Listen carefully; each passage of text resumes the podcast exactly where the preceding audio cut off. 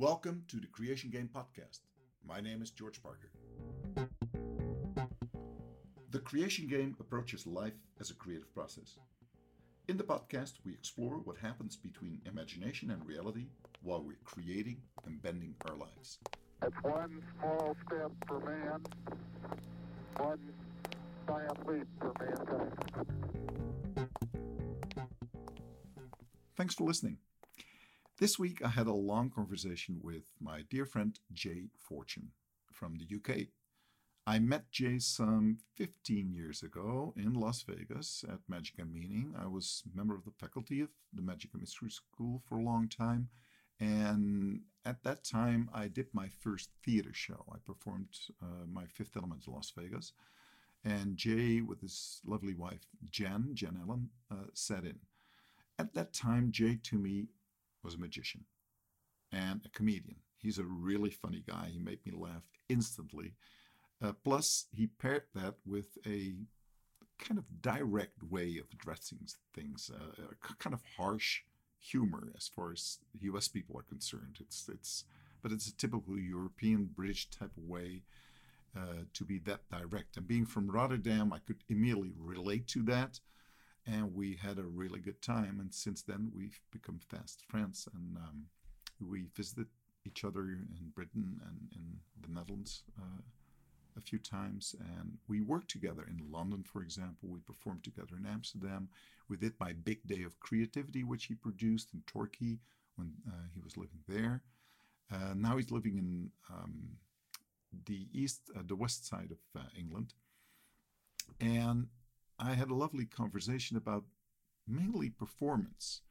Now, he doesn't perform anymore. Uh, he's still in love with magic and he practices magic a lot, but he allowed another talent to surface and he's fanatically producing all kinds of really wonderful drawings now. So I recommend checking out his website, which is uh, jayfortune.co.uk, J J A Y, fortune as in fortune, .co.uk, and you'll find really great art. A pencil, a piece of paper, and he creates really wonderful portraits. I've, I, I'm lucky to own two of them, uh, both of Eugene Burger, my dear teacher and dear, dear friend who passed away a couple of years ago. Um, so that's incredibly meaningful to me. So we talked about performances a lot simply because um, we both love improvisation and humor. So how to deal with hecklers, how to deal with unexpected situations. When you're thrown into the fire, what happens? What do you do? Do you fall silent or do you think on your feet and improv yourself through it, discovering unexpected things? And what happens when your ego gets uh, in the way? How do you deal with that? So Jay talks about that, how he learned that while working, uh, doing a radio show and being thrown into that and like, okay, fill in those two minutes, talk, do something. And that's fun to talk about. And we go all kinds of places. So I hope you enjoy this episode of the Creation Game podcast. Welcome to this episode of the Creation Game podcast. With me, or rather from a distance with me, is Jay Fortune. Uh, Jay is a very good friend, a dear friend who I met about almost 15 years ago, I think, at Magic and Meaning in Las Vegas. You were there with your wife, Jay, and you traveled all the way from Britain because you're British, right? Yeah. Well, well, hang on, hang on. Right. Okay. That's your intro, and already you've said British very condescendingly. Yeah. So let's start there. Yeah, yeah, and I yeah, and I'll stick to it. because I, I do have to say you've grown so much over time. And you've you've you've blossomed into this very sensitive, thinking guy as opposed to um, yeah. No, no, Yeah, no, I think- no, all kidding aside, but I, I do, yeah, I do have this picture. Actually, actually, I, I was confirmed by a book by John Cleese, uh, "Surviving Your Family," I think it was called, that he uh, specifically described okay, we kind of cut off our, uh, our emotions. Just last Sunday, I worked with a British guy who introduced himself as British and apologized for that. So the awareness is there. So, uh, but I, yeah, we always have. Uh, but we clicked right away. I, I remember you doing some MC work, uh, introducing some people, and uh, I laughed my ass off. And um, you were, Yeah, well, I didn't know about any of that, mine. I, I came across completely innocently to attend as a, a conventioneer, let's call it, at Magic and Meaning oh, in 2000 2006. And then first night, I had a, a bit of a cold. And I think it was the travel, and I'd been performing a lot in the UK. yeah, And um, I was sat in Jeff's back garden, and a couple of guys were performing, and I had a blanket around me because I was so cold. I was like shivering. and then McBride appears from out of nowhere behind me and goes, Would you do something? I've told everyone about you. And I went, Jeff, I've got nothing on me. I'm shivering. I'm, I'm, I'm really feeling unwell. Um, of course, why not? So I did, I, I can't remember at the time, but I got up and fumbled my way through something. And uh, yeah, I looked out and there was like Bob Neale and Eugene and like everyone just sat in this garden. And I was like, oh man, I don't feel great. And he's forcing this on me. And I, I cobbled together something. Um, and on the back of it, he was like, oh, would you do some MCing? Everyone sort of loved it. And before I knew it, I was properly involved. I think that's what you get when you get a free ticket. true. You get roped into hosting and performing. Thrown into the fire. Well, that, that's true. And, and uh, Jay's now talking about Eugene Burger, a, a, a, a very dear friend of ours who just passed two years ago. Uh, a teacher, very, uh, we love him to death. So that's a huge star in the magic world. Bob Neale, magic philosopher, wrote dozens of books, and and so yeah, when you're looking into the eye and you know them just from their books, and you go like, now I'm Yeah. performing for those guys. That's something. And Jeff McBride, obviously a brilliant performer and and and uh, very generous and, and great teacher who founded Yeah. Magic and Mystery School. So yeah, you arrived and you were thrown. I, I didn't even know that, but you and that tells me a little bit about your natural performing abilities. Uh, can you tell me a little bit about how that started? How, how was it always the case? You- found yourself as a performer early on, or did you learn that? Tell me a little bit. Well, actually, really weird because, um, yeah, when I started off, uh, life, this is when I actually started off, you know, being born, when I decided to venture into life, yes. um, I was really shy. I wouldn't leave my mum's side. I wouldn't do anything.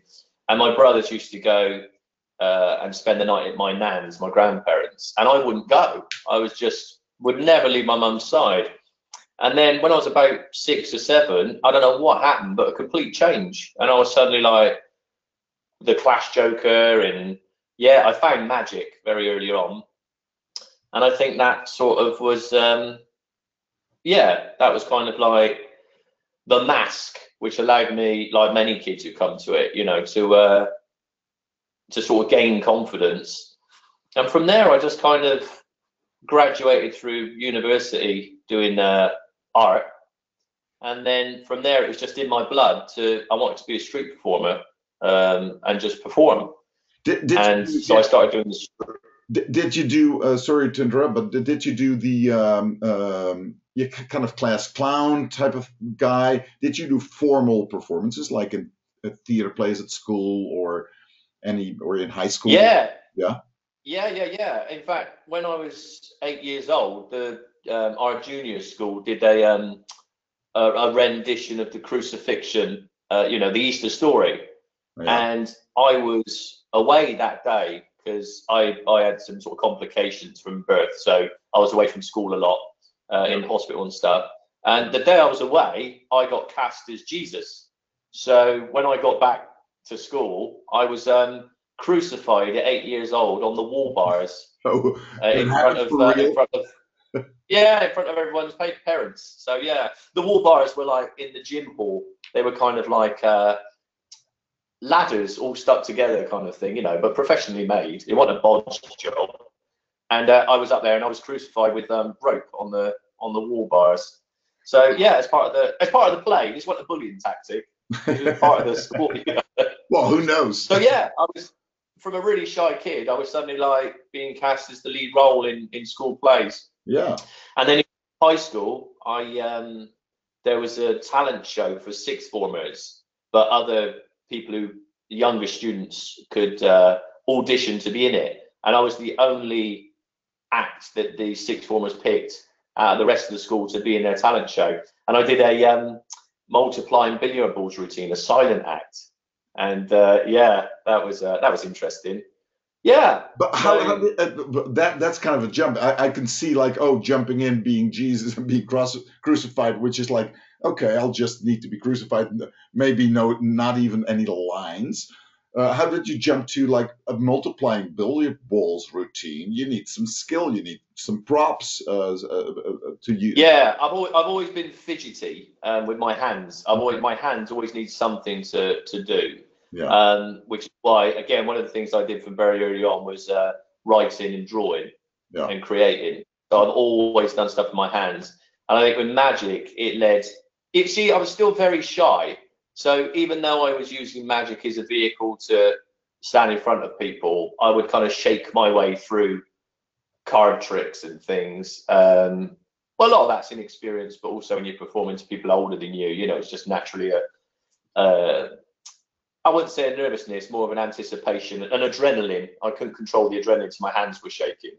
And I think um, learning the billiard ball routines and things like that was a way of not only keeping my hands busy when I was performing, so the shaking wouldn't be as obvious. Yeah. Does that make sense? If I'm doing quite a I, well, yeah, well, Uh, I, I can see, I can see the- the restlessness. Still, I go like, okay, I'm imagining a kid goes to school, shy. I'm, I'm a natural shy as well. I'm, I'm, uh, and I discovered it way later in, in, in therapy. Like, oh yeah, I used to be very shy until I was 15 or something, until I, something broke out. And but actually, in my- my own nature is much closer to shyness than to being on stage. And I can, I, Yeah. I think a lot of artists will will confirm. Okay, the, Yeah. the stage is kind of my home where I'll be the extrovert, and that weaves in. So, um, uh, no, my my my surprise is, I I, I get the the idea drawing, and we'll talk about that later because you're an amazing artist.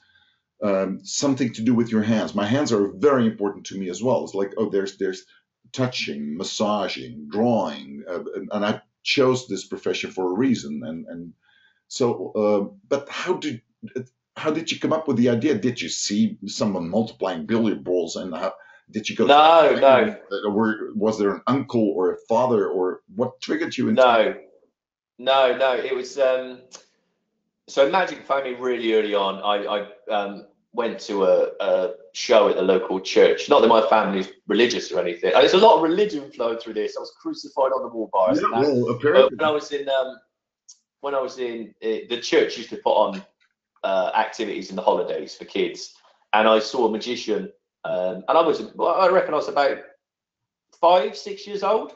It's one of my earliest memories, and he cut a piece of rope in half uh, and put it into a purple bag, and then we all had to shout magic words. And when he pulled the rope out, it was back together.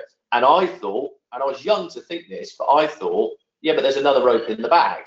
really? And then, he, yeah, I remember thinking this, and I remember he turned the bag inside out, and there was no other rope.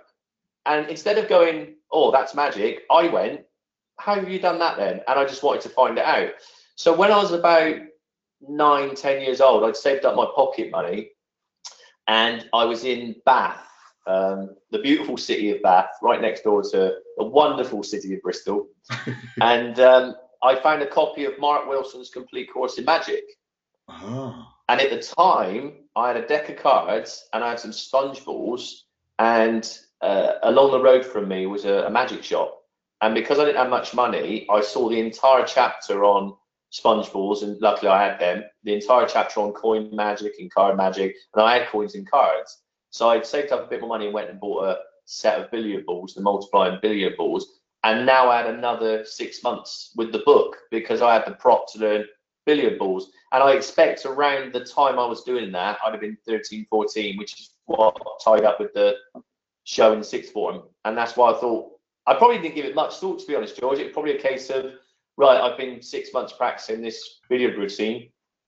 Let's go and do it. And that was the, the chance to do it. And I don't want to talk about exposure on this show because I know it's not for magicians, but I dropped something vital for the billiard ball routine, which is a billiard ball, but not quite for those in the know.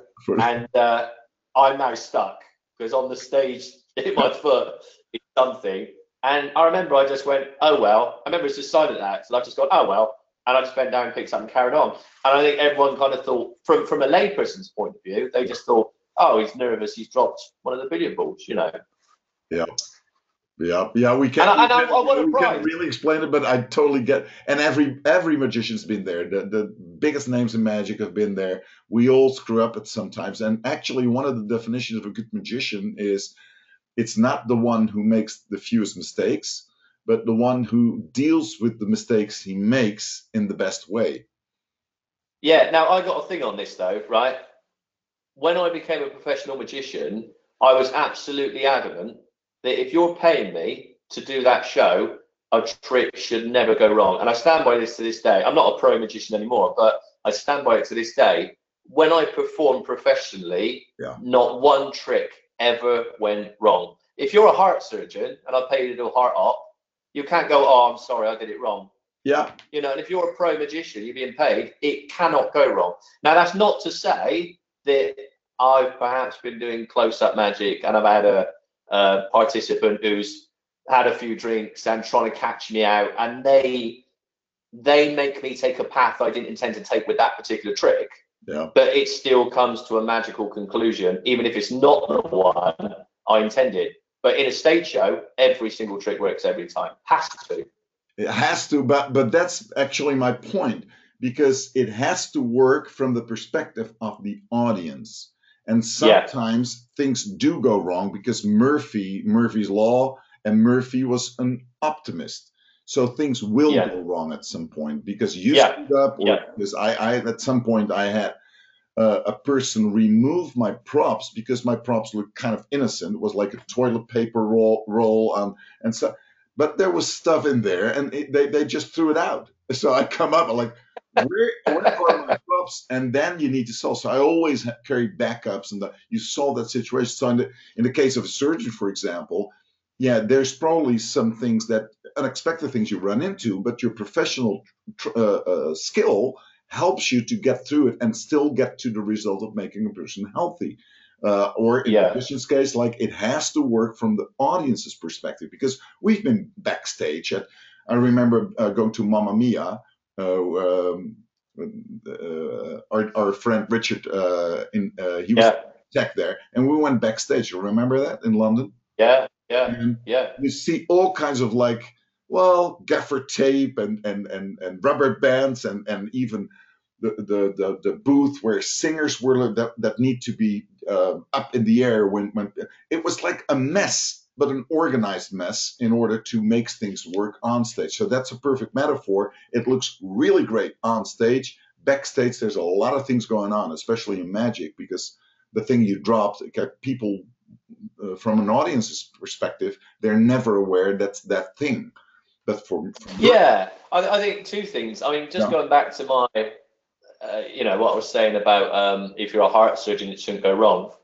There's a book I was given by a, a friend of mine who's a doctor in London, and I can't remember the guy's name, but the book's called Do No Wrong, Yeah. and it's actually where he does um, uh, really delicate brain operations, and there are times where you know the scalpel's gone slightly one way, and they've killed the person on the who's been operated on and it's a very honest book he writes but um yeah and uh, so i suppose it does go wrong sometimes I, I i think one of the things about being a creative person is that if you're if you're master if you're the master of your props and what you're doing you've always got the unknown of the audience because you never know how that dynamic's going to play out in response to what you're doing uh-huh.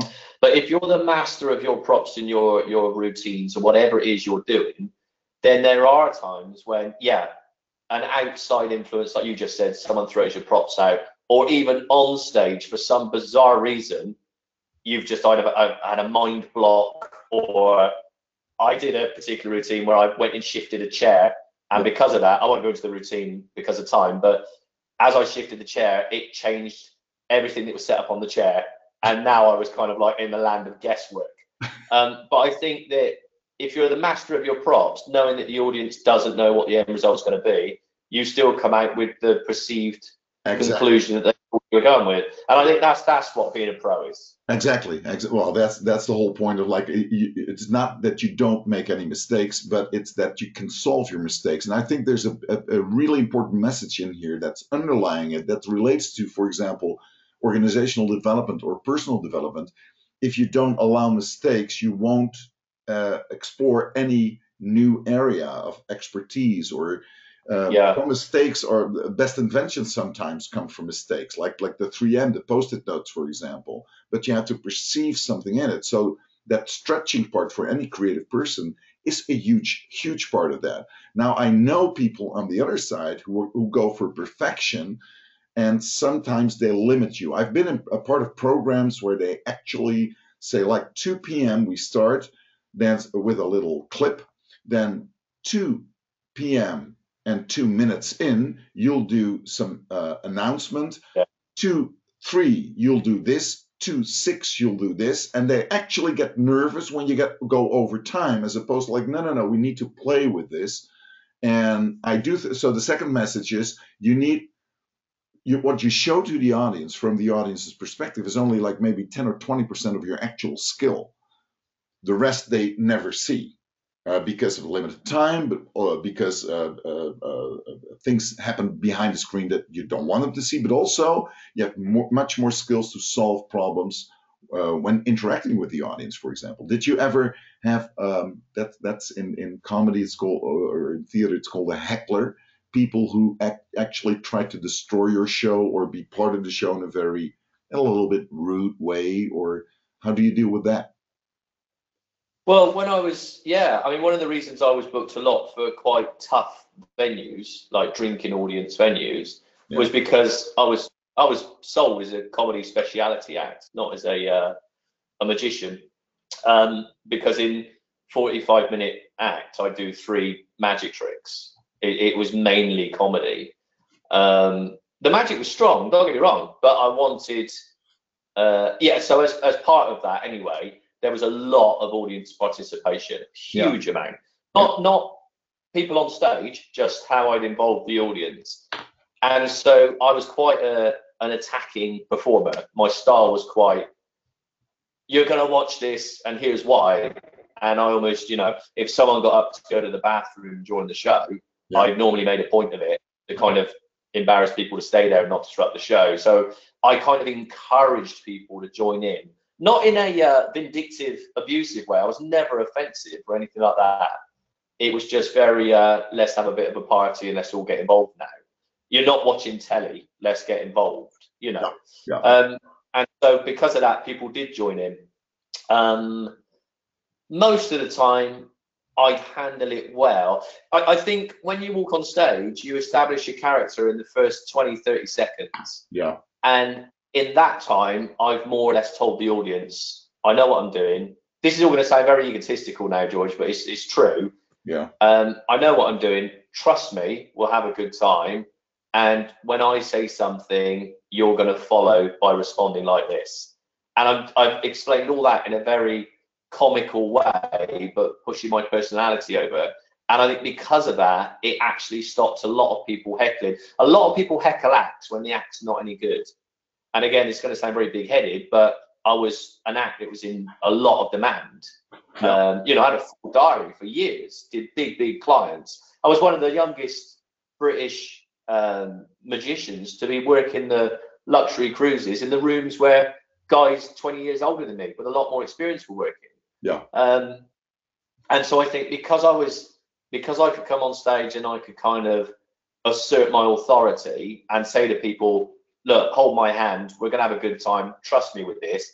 It kind of knocked any energy out of the room from people that were perhaps thinking they'd heckle if they've had too many drinks. And those that did then join in kind of worked with me because I was kind of encouraging them. Yeah. Um, so yeah, I never really had a problem. I mean, it also depended on context. Like one time I'd written a pantomime, a family pantomime touring show, Yeah. and we went to one uh, holiday venue, And for some bizarre reason, they just messed up the team there and they'd scheduled us for 10 p.m. Now, this is a family pantomime, right? So, what we were just referring to, work with what you've got, I was like, right, I'll step into the lead role. I've written it because the guys that were doing it were very family friendly and I'm much more of an adult performer. Yeah. So I stepped into the lead role under the guise of the show must go on. And then at 10 p.m., we came out with no kids in the room at all, just all adults who'd had a drink. And we did this family pantomime. But I, on the hoof, could change a lot of it and make it much more adult. And on the back of that, we actually got booked to do an adult panto and tour that. okay. So, yeah. And I think that comes down to, again, being a pro, just the audience didn't know what they were going to get. So we did a 10 o'clock panto instead of a 7 p.m. panto. Yep. Yep. It's, it's, it, yeah. So, so, and that's actually a, a beautiful illustration of my point. Like when you don't stretch into that new territory and allow yourself to make quote unquote mistakes, because mistakes are only mistakes when you kind of set the norm, set the standard. Oh, this is what it should be, as opposed to like this is what it could be, or um, and and I do think that's great, and and especially when you're able to do that with a, a team of people, because that's different from being alone on stage. Because early on, you've uh, um, told me uh, when we met back in uh, 20, 2006, 2006, uh, Jeff kind of threw you in there. Some people would have blocked, would have totally shut down, but apparently some part of you goes like, let's. It's it's like what Pippi Longstrom for Pippi Pippi. Um, like I've never done it, so I think I can do it. Pippi, the the uh, the kids books kids book character, Kiki Pippi Pippi Longstockings, I think is is is her. That's it's that was a TV show in the 70s. Astrid Lindgren, Swedish author, was about this girl who could lift horses, really powerful, but her general life attitude was, well, I don't, I've never done this, so I probably can do it, uh, which is Yeah. the reverse of, of people in control. So in, let's talk about that individual being on stage. How much of how much improv is part of that? Because you clearly kind of riff off of that. You get some adrenaline shot, and and you you're able to make it work, uh, being thrown into. Yeah. Yeah, I think, uh, but my, my sort of uh, when I was so the last twenty years before I became a professional artist was spent in entertainment, and that the journey up to that was magic. But when I ended up street performing, a lot of it was comedy, um, and so I've had quite a varied journey through that. So one of the first things I was fortunate enough to do was I spent four years in radio, Yeah. and I had a breakfast radio show and then a drive time radio show, excuse me, across London. And um, I think that because I was doing so many interviews and, you know, linking a lot of content, it, it meant you had to be really malleable when you had to have the gift of the gab um, and work with whatever happened. Um, like I was broadcasting the day of 9 11. Yeah. Um, so, yeah. Uh, well, actually, right. Okay. So just to put that into context, in case somebody does look up my history, the four years I was on about wasn't then, but I was learning radio when 9/11 happened, Yeah. and I was in a training studio uh, during that exact time. So, um, yeah. Uh, I think because of that, it allowed me to not be afraid to improvise because you you learn pretty quickly on radio. You know, a second is dead air on radio, Yeah. and you learn pretty quickly to keep the time filled and keep the flow going. And I think that came that then that four years experience transferred into my performing. And right at the end of that four years was when I went to Vegas, and so I think the radio probably had a lot to do with that. The, I was like, well, yeah, this is someone coming up saying Jeff was behind me. It was literally the same as my producer saying the next interview is not here. Can you cover three minutes, Joe? Yeah. And so I talked three minutes, and I think that kind of just kicked in, you know. Yep. So so okay. Uh, uh, and did you actually? Because some people know how it works, but do I do enjoy that? I do when uh, when I'm uh, thrown into the fire. Like, okay, next speaker isn't coming up. Can you fill like 30 minutes now?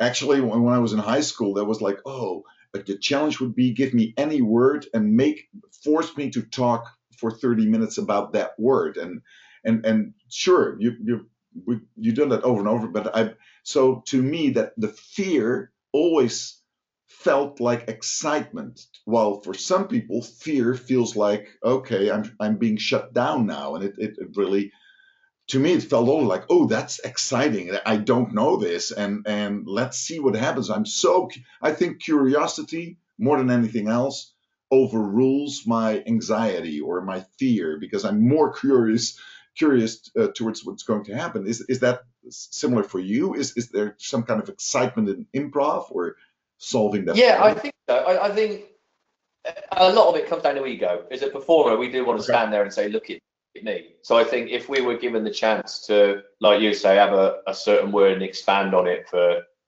you know, three, four minutes, whatever. Yeah.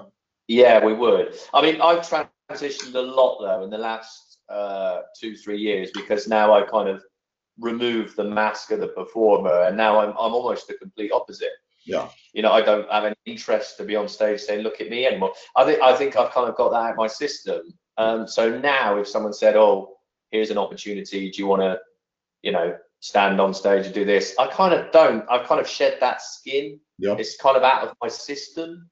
Um, but back when I was there, yeah, I think the fear would. There was always a fear. I, you know, that's why we called it dying on stage because yeah. you're putting yourself up to be judged. And I think going back to the Las Vegas Garden, um, you know, improvised routine I did, that was again a real fear because I stood there suddenly looking out at my peers yeah. in an environment completely unfamiliar with me and not really sure what I was going to do. And I, I more or less ad libbed my way through it in front of Eugene, who was like the king of scripting, you know. King of scripting. Um, Please script it. Yeah. Yeah. And I think um, so yeah, I, I but I, have so done it now, George. That yeah, now now I think there'd be the fear element, but the fear element for me would just make me go, no, I don't, I don't want to do it now. No, no. Well, actually, I've I've been through a phase like that um, because I, Eugene Eugene Burger, who was wonderful at scripting, he could it, it totally fit his character. I've worked with him on stage many times in the Netherlands, in in Chicago, in in uh, Hollywood, in Las Vegas, obviously. And every time he did a single act, it always went the same way, and it totally worked for him. The, he kept the room. He he worked his magic, and he would deviate maybe five, maybe ten percent improv, while I most of the time I'll thrive on like okay, I'll have some twenty to thirty percent. I have the structure, but when I'm doing the same act for kids, I will 70% will change because now I'm a different character. When I do it for CEOs or accountants or uh, uh, construction builders, I will change the tone of voice. I will change my character because I love to kind of like co-create that with the audience, which I refer to sometimes as mental sex. It's like, okay, sperm X cell can create something they can't create on their own. And I'm so curious what comes out of that. When I surrender to that, allow that audience to change me, that's excitement. Now, at some point, you can like, seen it, haven't been there, but I've, I've met uh, Keith Johnstone, who's the author of a book called Impro. Uh, he's kind of the godfather of theater sports, which is all improv. Um, uh, a theater company like Boom Chicago comes from that, or Second City in in Chicago, uh, and uh, improv is uh, a part of that. And there's many ways to do that. The improv um, um, basic premise of improv is you yes and uh, instead of yes but. So you kind of add things, which is kind of an alchemical principle. It's you, you add stuff you can't take stuff out. But by adding stuff you can change the ratios you can you can change the situation. So there's a lot of transformational magic in that whole attitude. And i can see why you stop with it but uh, and and that's because the ego driven part is great but once you get to the more transformational magic shamanic shamanic part it's something like, oh, I am the instrument, I'm the change agent here, and now it's not about the ego anymore. It's about letting go of the ego and surrendering to the Yeah. other. And that's a Yeah. different. That, that, Yeah. And that, that's a real fear thing.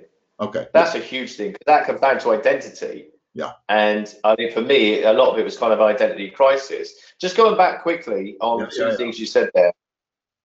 The scripting. So going with the flow, when I first started off uh, developing my stage act, Yeah. because obviously when you do the cruises, you've got to have two 45 minute to an hour sets.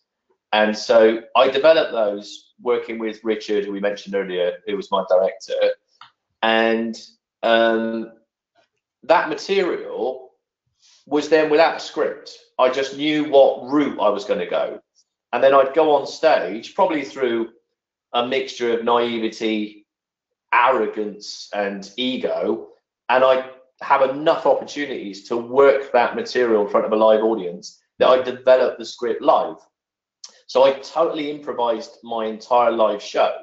But because it was built in that live environment, it wasn't a script being written in a, a room where there's no audience. No. My show had a dy- dynamism that it it worked in almost every environment, which is why going back to what I said earlier on, I used to get booked to a lot of the tough rooms because I would go okay there. I wouldn't storm it, but I wouldn't die there because I developed my show live. Now, once that show was developed, I can tell you that I would go on stage and every single show would be spot on the same time.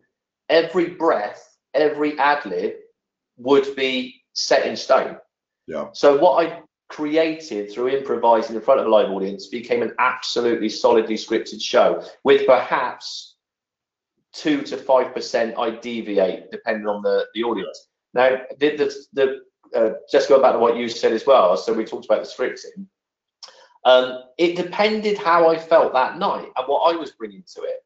Yeah. So now I've got my improvised show, which is actually a fully scripted show developed live. If for me that evening I was going on at 11 o'clock, I'd been in the car for three hours getting to the venue, I'd had a busy day anyway, I got another three hour drive home, then sometimes it was just a job. And I'd go on, and if someone heckled, I blanked it and I did my show line by line and I got off and took the money, job done. Other times I'd get to a venue and I'd go, actually, I really feel like playing with the audience tonight. I really want to be there in the Yeah, moment yeah. this time. And then that's when the show would still be line by line, breath by breath, but I'd allow that leniency to play more with the audience, but never detracting too much from the, the plot. No. Um, I think that's two really interesting things.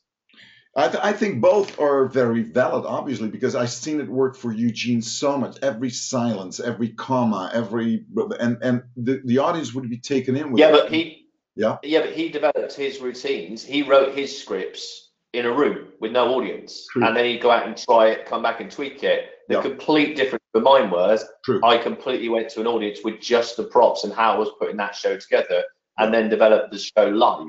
Yeah. Um, and I think it's a completely different dynamic.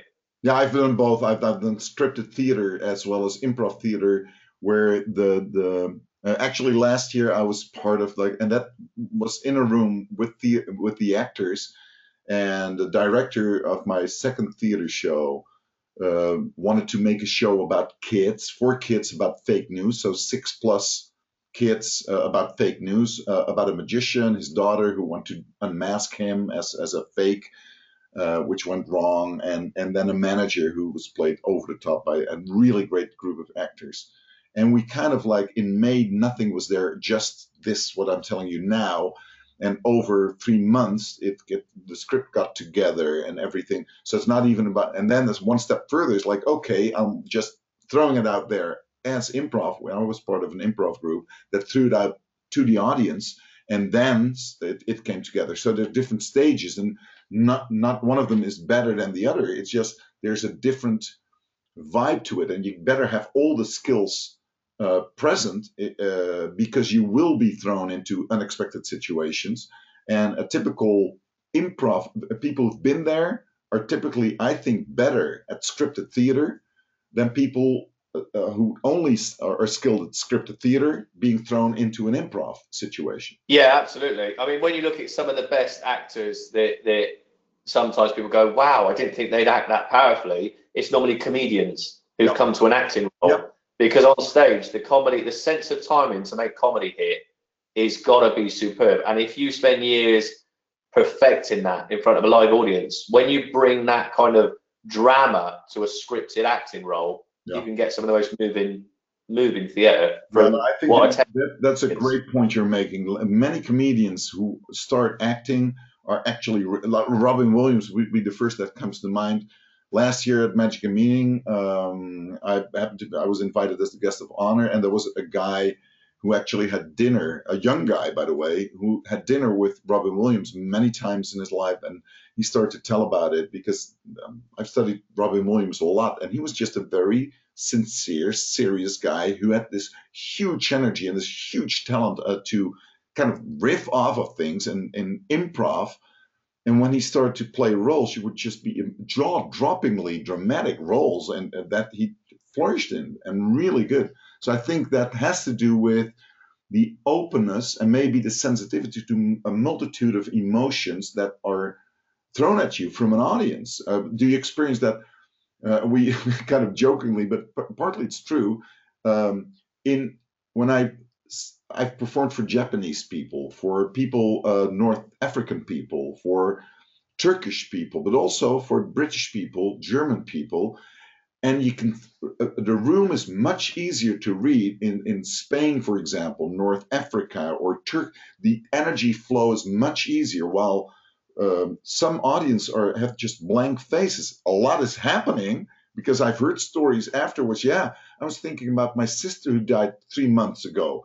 Well, your face didn't show anything, uh, and they were truly moved. So the outside of people, the the outer appearance, doesn't always tell you. Do you experience that that feeding off of a room when a room is really blank? Uh, is that true? Or, uh, you once told me, for example, uh, to uh, finish this long question, um, that you st- typically started with hard hitting humor to get the room opened. Is, is, how, how do Yeah. you open up a room? Yeah, I, I think you know for, for the kind of shows I was doing that was my bread and butter work. Um, I'd be yeah on stage anywhere from 9 p.m. to midnight, Yeah. and those kind of venues and those kind of rooms, um, people have come to forget their problems. So most of the time they're there for a good time. Close-up magic work, I was normally at parties and celebrations. So Yeah. most of the time, apart from family politics that you Okay. pick up Yeah, yeah. when you work in small groups. Um, the difference, I suppose, was if I used to do business lunches, they didn't know really why they booked me. It was just like it seemed like a good idea from a novice events organizer. Oh, let's get a comedian in, or let's get. A, and I remember doing um, uh, a really famous high street brand in the UK, very prestigious, known worldwide. Yeah. And I did their head office. And this agent I'd never dealt with before phoned me and booked me. And I told him the fee, and he was like, "Yeah." And he sent the contract, and under contract, you booked actors known. And I had two sets to do, and I was like, even before I went, I was like, "This doesn't feel right." Gut instincts, you know, I've done a lot of work, and this just feels wrong from the start. But it was a prestigious client, so I went along, and it was uh, the office Christmas party, and in this sterile white, everyone dressed in bland grey. Oh, just no life in this building. It was all bullshit and rules and regulation. You know, you had to leave your emotions and your humanity at the door. You were just going to be a robot when you went to this place. And I, so I remember going in thinking, I already don't. Everything in me was like, I don't like this. I don't want to do this. These people are annoying me. And I haven't started yet, you know. So I went out and I did my first set. Now remember, at this point, I'm very experienced. I got a brilliant CV. I was booked a lot. I mean, really booked. And so th- they were lucky because this was a lunchtime. I didn't often do lunchtime shows. You know, it was two sets on the lunchtime for an office do. That was the other thing. I thought, well, lunchtime, they're all going to go back to work. So no one's going to be having a drink. So what is this going to be? And uh, I did the first set and everyone was in their t- teams on tables, Yeah. and it was the bizarrest thing because a lot of the team members would laugh, look away from me, look towards their team leader, check to see their response. If they weren't laughing, they look back at me and not laugh.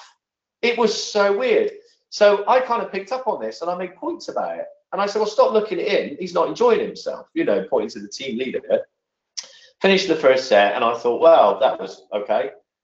Uh, the manager's PA came backstage and said, and she was all embarrassed and red.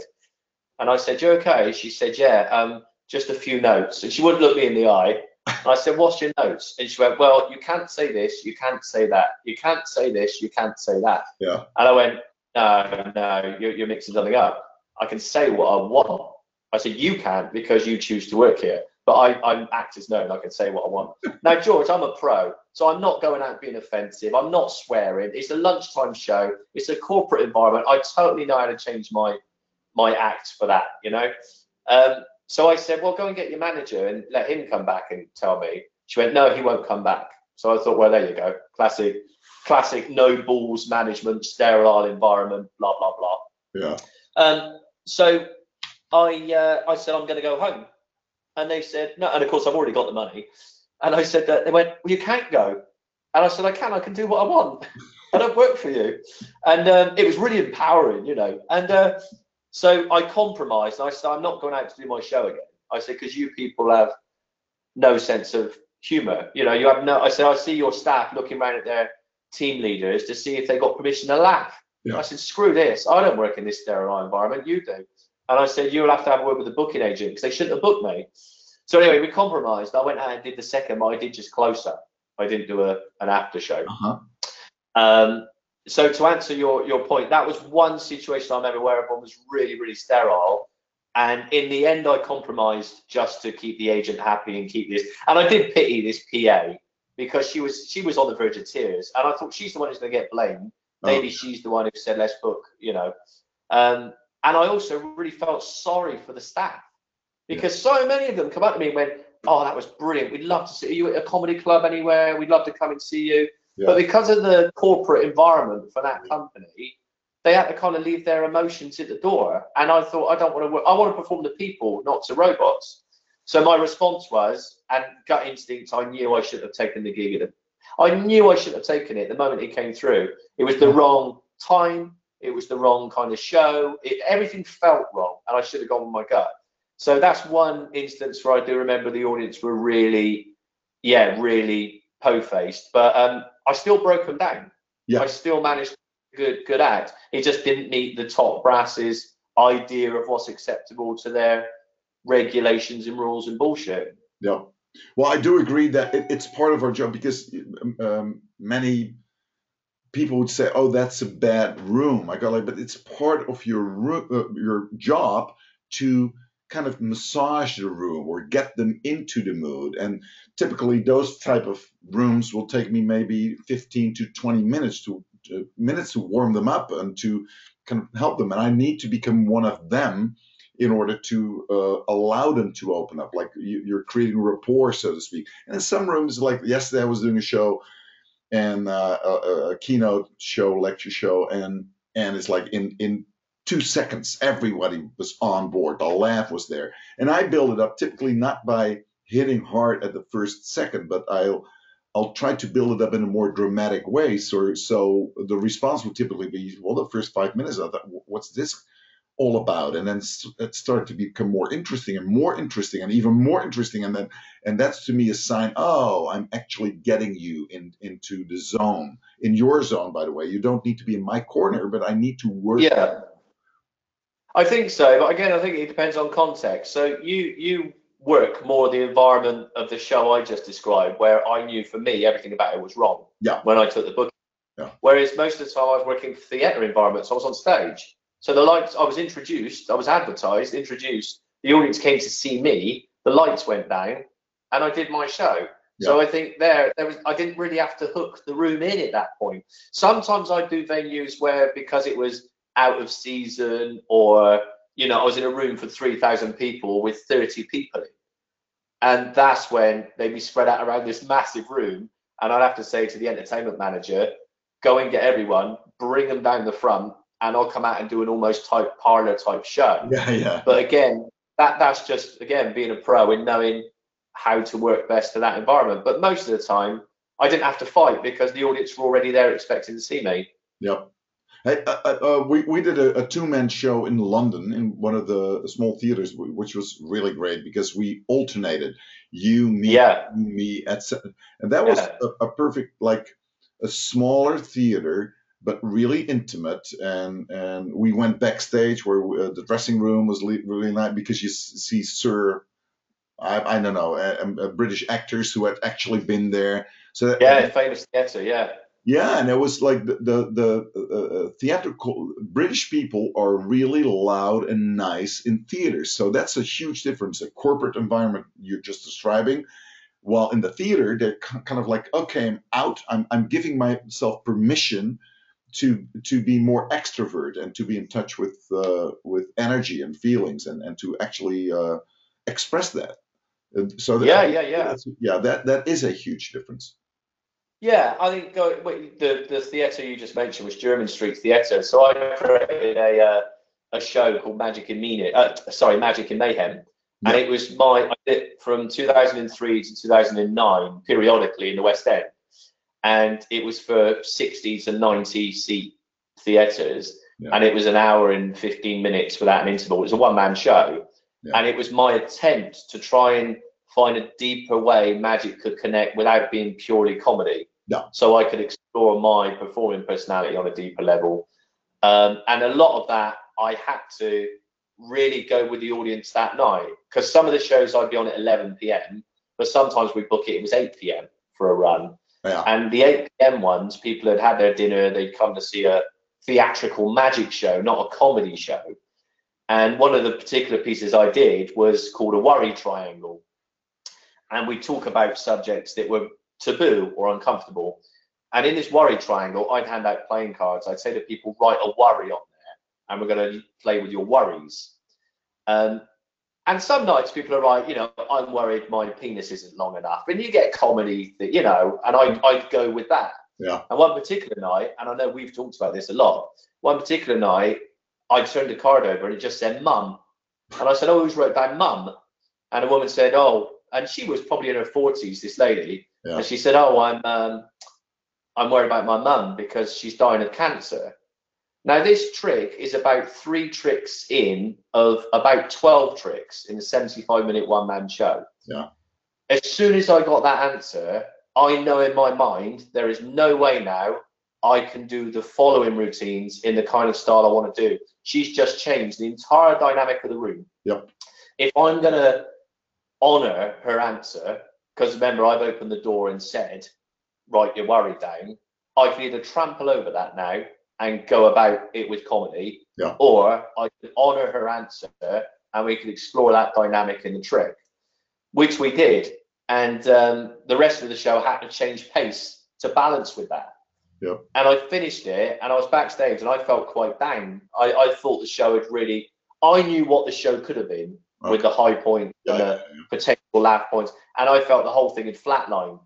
My director, Richard, who we keep mentioning, came backstage, didn't say a thing, and he gave me the biggest hug. And he never hugs me after a show. He's always got critique points for me. Yeah. And when I don't know how we could, but if we could manufacture that kind of moment at every show, he said tonight that entire performance just raised itself tenfold. And I was really surprised and quite amazed by that. And it really opened me up to I had to really dig deep as a performer to improvise from that kind of unexpected springboard that that short in the show. Now in my stage shows, my bread and butter work, my comedy work, you never get a, a situation like that. No. And yet I created Magic and Mayhem to be the kind of show where we could discuss these things and play with it in a magic way. And uh, it really made me grow as a performer. But in 2009, I, which was the year this happened as well, I stopped doing the show. I kind of felt I'd achieved what I wanted to achieve with it, which was a selfish act of me wanting to see how deep I could go as a performer with, with magic. And that was one of the shows you came over and we did back and forth. Yeah. It was a very Magic Mayhem, where we sort of yeah did Yeah, between us. Well, well, actually, you're describing what we uh, touched on early on is that there's a backstage uh, and a, a front stage, like we refer to Mamma Mia, for example.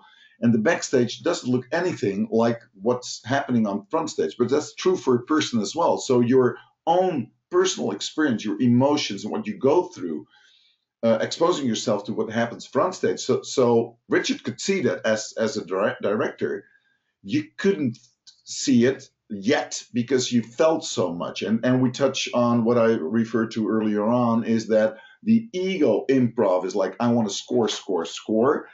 The improv type that the shaman does is like no, you can use me as an instrument, and together we'll create something that we can't put into words, but that will be kind of healing or amazing.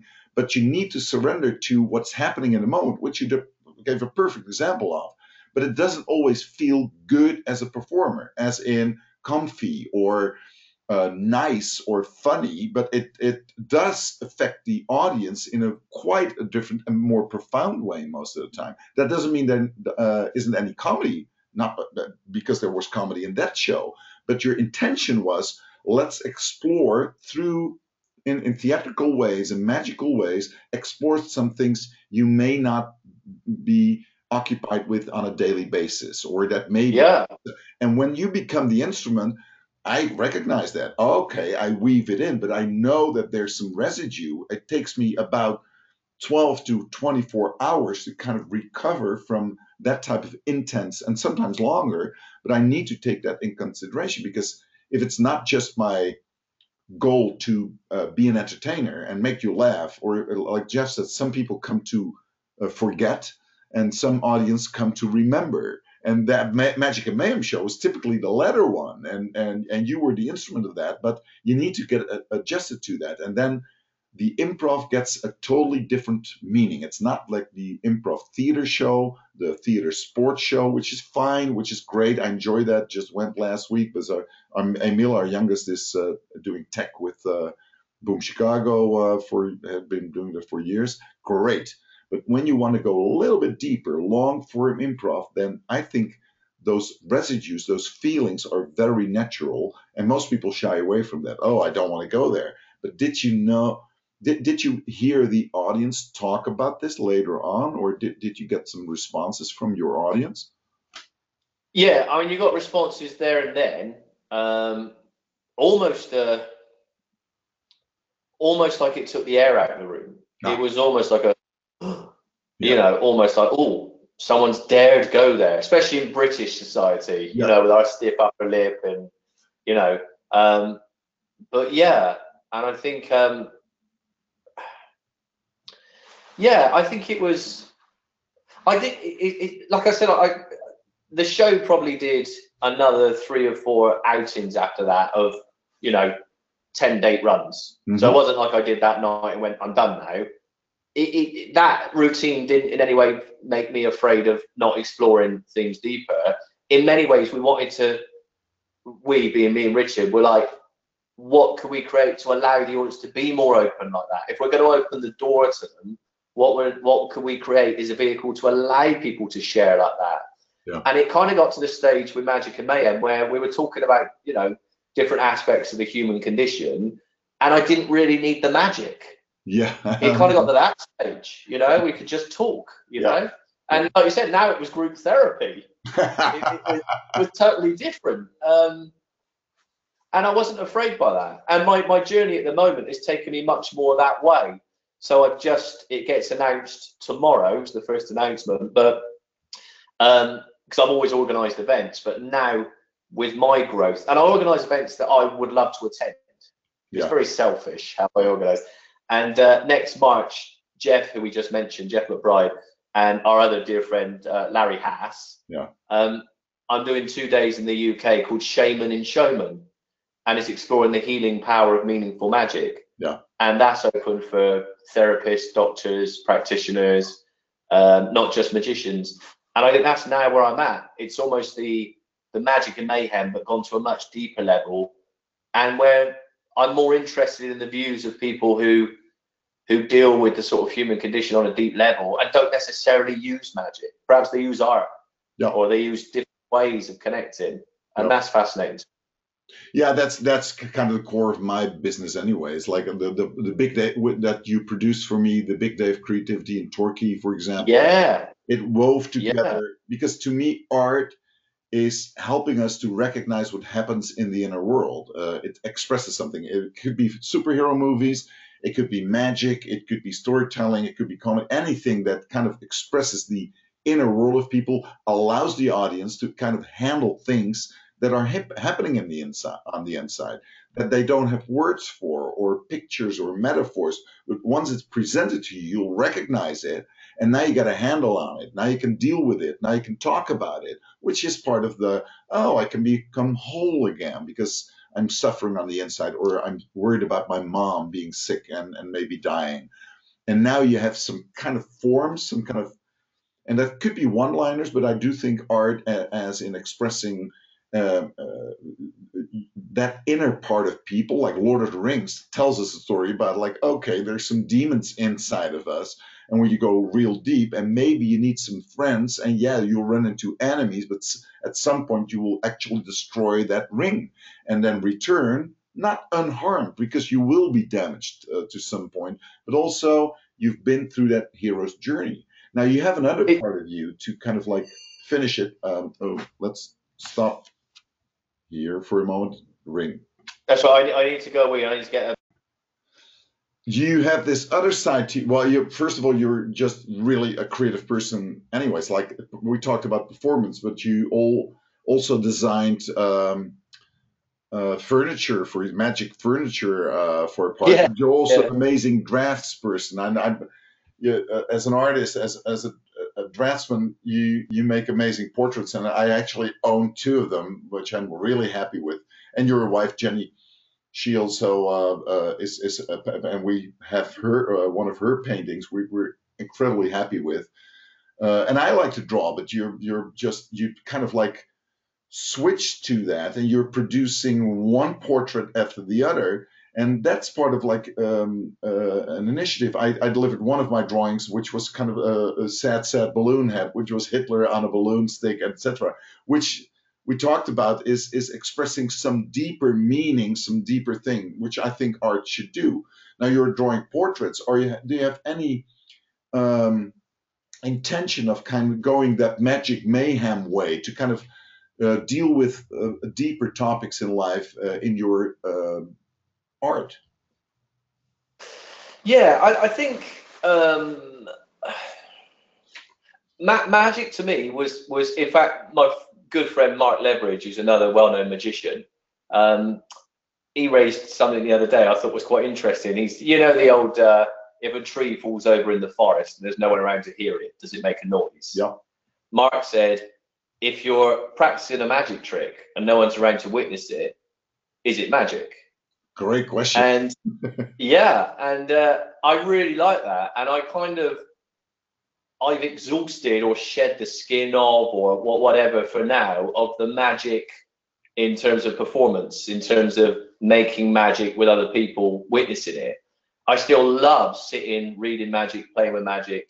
Um, in fact, I play with magic more now than I ever have uh, because there's no end goal I need to get to. Um, art, when I came to the art, it was like, and remember, I've got a degree in art anyway. I've, I've always drawn, but it was like, uh, and again, Mark was the one who said to me, he said, it's like you've taken the stopper out of a bottle that's been capped for the last 20 years while you've been performing, and Yeah. suddenly all this creative energy is going into painting, portraiture, and stuff. yeah. So for me at the moment, it's very much like I was with magic at the start. It's my commercial hat is on, and I'm going, how do I make this a professional career? And now I've kind of ticked that box because I've just been signed by a big publisher. So I think now in the next few years will come the growth of exploring where my art might go deeper or I might use it more expressive to yeah, to connect with not just me, but with people on those levels. George, if I can go on to something which I find really fascinating, I was saying to our friend Larry, you and Larry and certain people can take what I waffle about across five pages of email or a half hour of talk and sum it up in a sentence, right? Which is why you're, you're all fantastic at doing that. And I said to Larry, there's a really fascinating thing I'm finding with art at the moment. When I create magic, it only comes alive, like Mark says, when it's presented before someone. And I don't want to do that anymore. But I have to be there and they have to be there to have the impact of magic. Now, after that, they can have the memory of it, but it won't be as impactful. With art, I create it in absolute isolation, like a magician would practice his magic trick in isolation before presenting it. The difference with art is, I, as in portraiture, painting art, I create that portrait with no one seeing it. It then goes to a gallery and someone buys it and they then have the experience of the art. Yeah. And I waffled about this across five pages of email, and Larry came back so succinctly and said, It's the difference between temporal and spatial response. And he said, Art is quite fascinating, unlike magic, that you do create it away from the audience, and yet it lives on.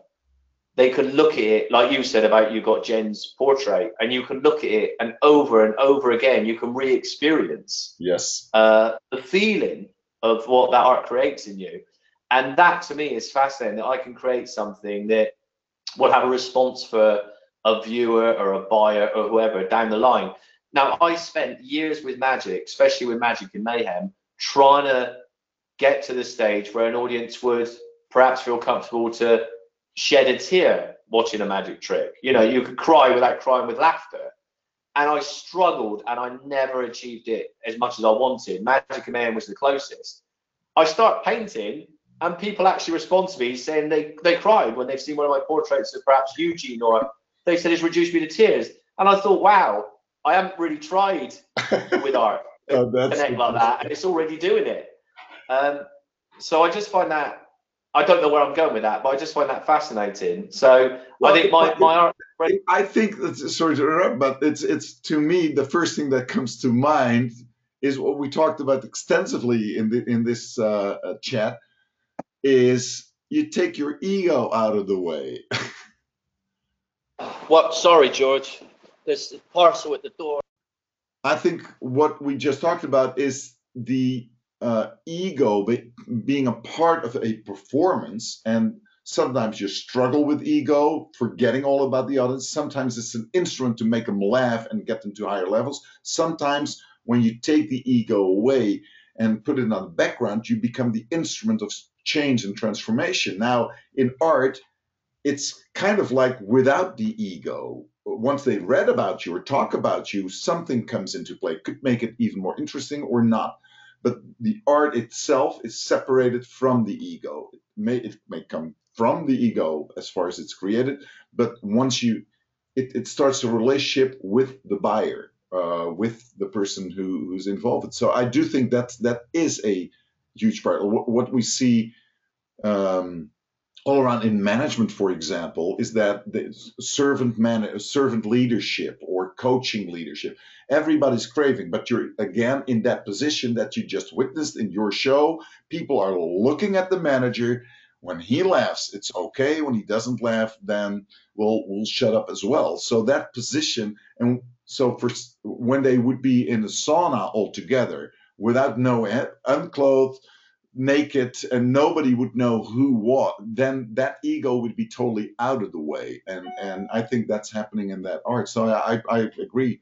It's a different beast and and it's i think it's harder on stage but i think the biggest greatest performers like uh, people like meryl streep are totally capable of taking their ego away and submitting to what needs to happen for the movie. And so she can shapeshift to uh, to being a common comedic person. She can shapeshift to a very serious and and she oh wow once once that go, goes out of the way, it's shameless. Like just you know you were shameless as in.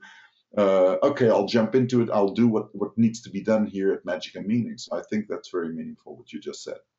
Yeah, yeah. I think the biggest thing for me in terms of creating has been over the last twenty years has been the the shedding of ego. I, listening back to this, I've you know said, "Oh, I've done this, I've done that," but that was all ego-led part of the journey. Yeah. Whereas now the art, and I'm really starting to understand this more and more, the art is much more about I don't need my name, I don't need my face there, I don't need it. I'm not.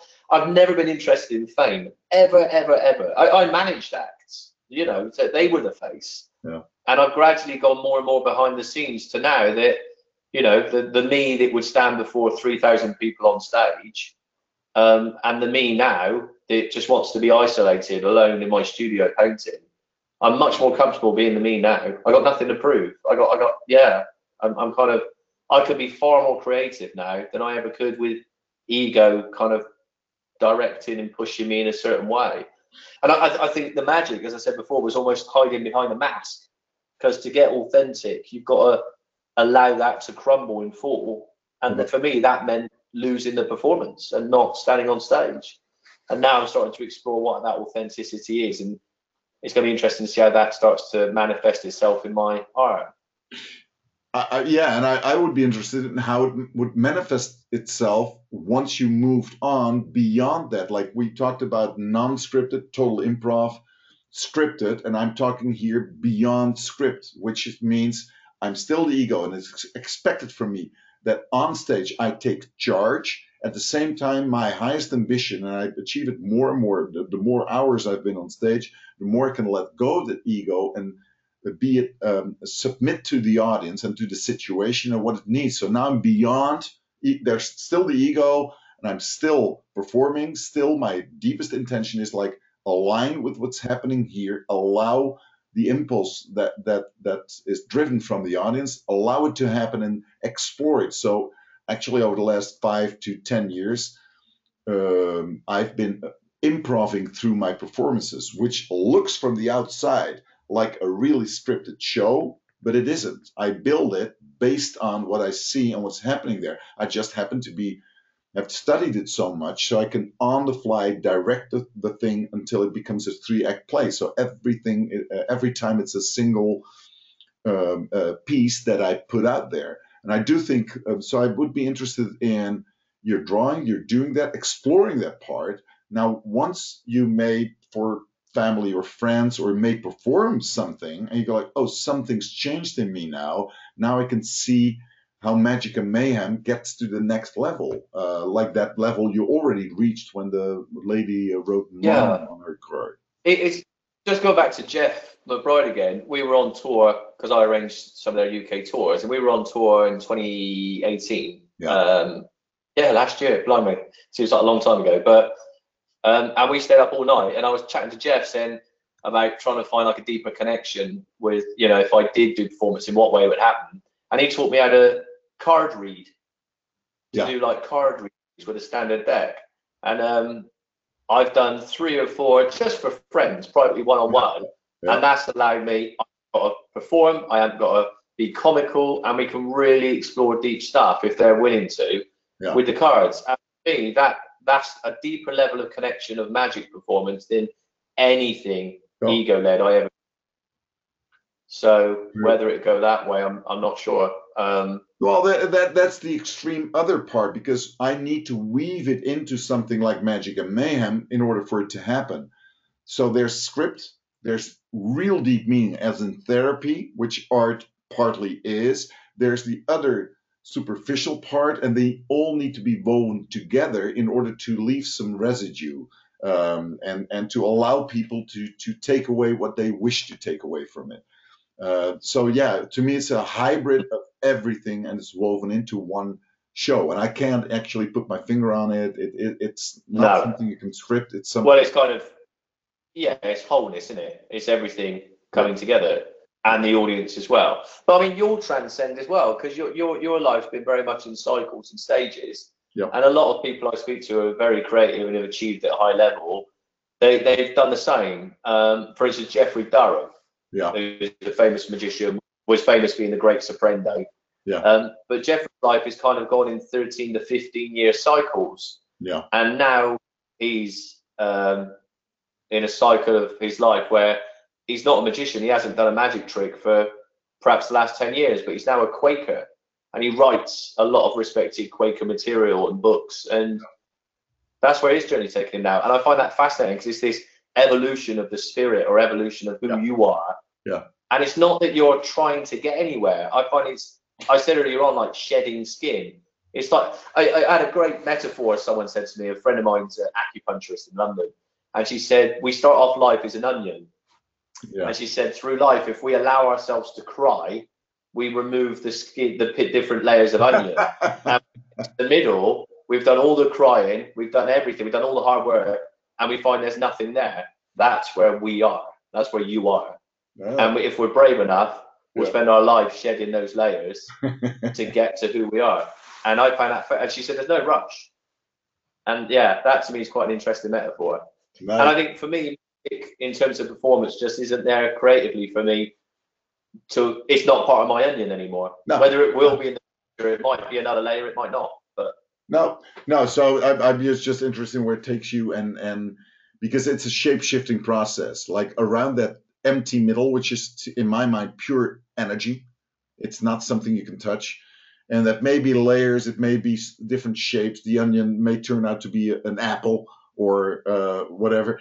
And and I think that shape shifting you're going through is, is really fascinating. So I'm I'm happy to be part of that journey and uh, and to keep it. yeah, yeah, and you, because you're you're you're transcend. You're from memory, your life's been you've been sort of like 15 year cycles. You've done things. Uh, You were- well, no, no, much shorter. I've I've been through ten wildly different careers um, now, like like healthcare, programming, sales, trainer, consultant, uh, uh, entertainment, theatrical, illustration, speaker, author. So yeah, um, So where are you now? Because you're, you I know you do the stage performing still, but you're you're almost going deeper as well in different things like the podcasts and Yeah, what, what what happens now is that I, I I promised myself when I was five years old to find out how creation works, how how we make up the world and how we change it, they bend reality basically. Not I could couldn't articulate it verbally like I do now, but that was the sense I had. And about ten years later, when I was fifteen, I made a this really clear decision. I told my dean, I'm going to use my life as a laboratory. I just want to I want to expose myself uh, to change, just making up my life, living up those fantasies, and and see how it works. So about four or five years ago, I was kind of like, I'm there. I, I think I, I delivered. So it took 50 years, but still, it was like I, I think I finished school now, the self-imposed school, so to speak. Uh, and then I started to write a book that would be make every other book that's written before obsolete, every book that will be written obsolete uh, which is total nonsense, and I knew it, but I, I, I hurt myself real deep by doing that. And um, um, so one part of my brain like, this is nonsense, George. You can't write a book about what you're writing about. That's the reason why I wrote about 60 versions um, and and 15 from scratch that are wildly different. So stop it. And ultimately, reality stopped me because it was nonsense. So the book will never see the light. Uh, I'm just like, oh, back. yeah. But we, we wrote the uh, we wrote the um, uh, we didn't. You wrote and I proofread, didn't I? Your um, your little book of creativity. Yeah, that, that's yeah, yeah, all those yeah. books I wrote wrote before were just play, were just experiments, nothing more. And this should be the book that kind of put a cap on everything. Yeah, And yeah. and and and I while I was writing it, I was writing down this can't happen. Reality needs to change, needs to shapeshift. You need to surrender to situations like Jeff asking you to do something or Magic and Mayhem and something happens. You need to kind of have that mental sex with each other, mental lovemaking, if you will. Uh, Yeah. So while I was writing it, I knew I was wording myself uh, until like I really ran into a wall and and go like, yeah, this is nonsense, and you know it. Now stop it. And then I could let go of it. Okay, this is the second part of my life. I had my intermission now, and now I I can integrate everything fully and surrender to whatever is asked from me. So it's hard to market when because I'm creative director, I'm performer, I'm coach, I'm trainer, but I make things work. I call myself in my mind, I'm an alchemist magician when I'm present, uh, I'll, I'll help you to create lead, uh, turn lead into gold uh, by by using all of my skills. And I can't pinpoint what it is, but uh, just last week we had like a two-day seminar, for example, with a, a company who wanted to go through a transition, and they needed to do 18 presentations in three hours. And that's not going to work for their audience. So I took creative direction. We managed it, but it was light, it was theatrical, it was the ultimate goal was reached. People had the picture, had a feeling, well, oh, this is the way we're uh, the, the the future we're heading to towards, um, and it was very people could process it. What do I do? Man, I don't even know myself, but I use all of the skills, uh, all of the above skills, uh, and that's and I think that's true true magic, as in transformational magic. Yeah, yeah, yeah. That's Yeah. so. It's the second part of my half. I kind of finally got. I'm. This is my first real job. Yeah, yeah. That's how. Yeah, I, I kind of get that. I think, yeah. I, who, who's the famous filmmaker who says we're all seekers? David, um, oh, the guy you like, Lost Highway and all that. Oh, David, no. um, Yeah, David Lynch. yeah, yeah. He says we're all seekers, you know. And I think that is, I think you've got to go. Let's finish with that quote. He, he, he. That's a beautiful metaphor as well, and it relates to your onion, but it's quite. It's kind of the reverse. Uh, but it's. It's. I, I think it's kind of similar meaning. He once said, "Life's about ever expanding consciousness." So when you're at the level of consciousness of a pea, and you go out and have a pancake, that will taste on that level really good or whatever. Now you expand your consciousness to, to a golf ball. You eat the same pancake, different experience. A tennis ball, a football, a skippy ball, the earth, Pluto, whatever. You get ever expanding. And those moments of expansion sometimes hurt, sometimes you cry, but you expanded it. And there's, um, so it's actually once you expand, expand, expand, suddenly you're there, oh, I'm free to expand. And there's actually nothing there, just the things I make up and we make up all uh, uh, we make up reality anyways so why not bend it and why get stuck in the old reality as opposed to cry die death and resurrection show uh, as jeff refers to it and then um, and then expand and that, have fun with that uh, and not fun Actually- be comfortable Yeah, I was going to say we'll end on that bit because that's a memory jogger. You promised to get me a copy of the Rogan, the Death Resurrection Show book by Rogan Taylor. Rogan taylor You've promised to get me a copy about five years ago. Where the hell is it? Let's I end bought- on an I argument. I, I got a copy for you in my because I now scanned it. It took a while. I bought three. Ver, I got one version because it's like 150 to 200 bucks. It's it's uh, Exactly. So why haven't you bought me one? why it's going cheap? you you you'll get mine. Uh, and I, I actually uh, I had to rebuy it and then I lost one and I had to send Quentin Reynolds. I had to send it over because he borrowed it to me and it got lost in the mail. So I had to buy, buy another one for 200 to 300 dollars. So, but uh, you'll get mine because finally I I didn't tear it apart, which I do with mo- most of my books, which is uh, maybe horrible to some people, but I need them on my iPad. So now I've made photo photos of every single page, and you'll uh, you'll get my one. My Cool. So we can part as friends. What's it? What? you- What? We, we, we can part as friends then. yes, we do. Uh, thank you so much for your time, and thank you so much for your energy. It was fun again hanging out with you, and uh, we'll talk more, and we'll talk soon. Cheers, George.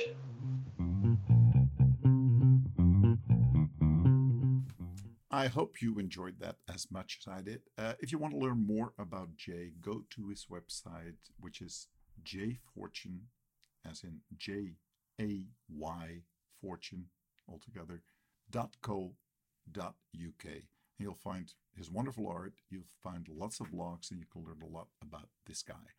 Highly rec- recommend it. See you next week. Thanks for joining us. If you have any questions or notes that you'd like to share, leave a message on plus 31 623 63 8381, and I'll do my best to include it and talk about it in the next episode.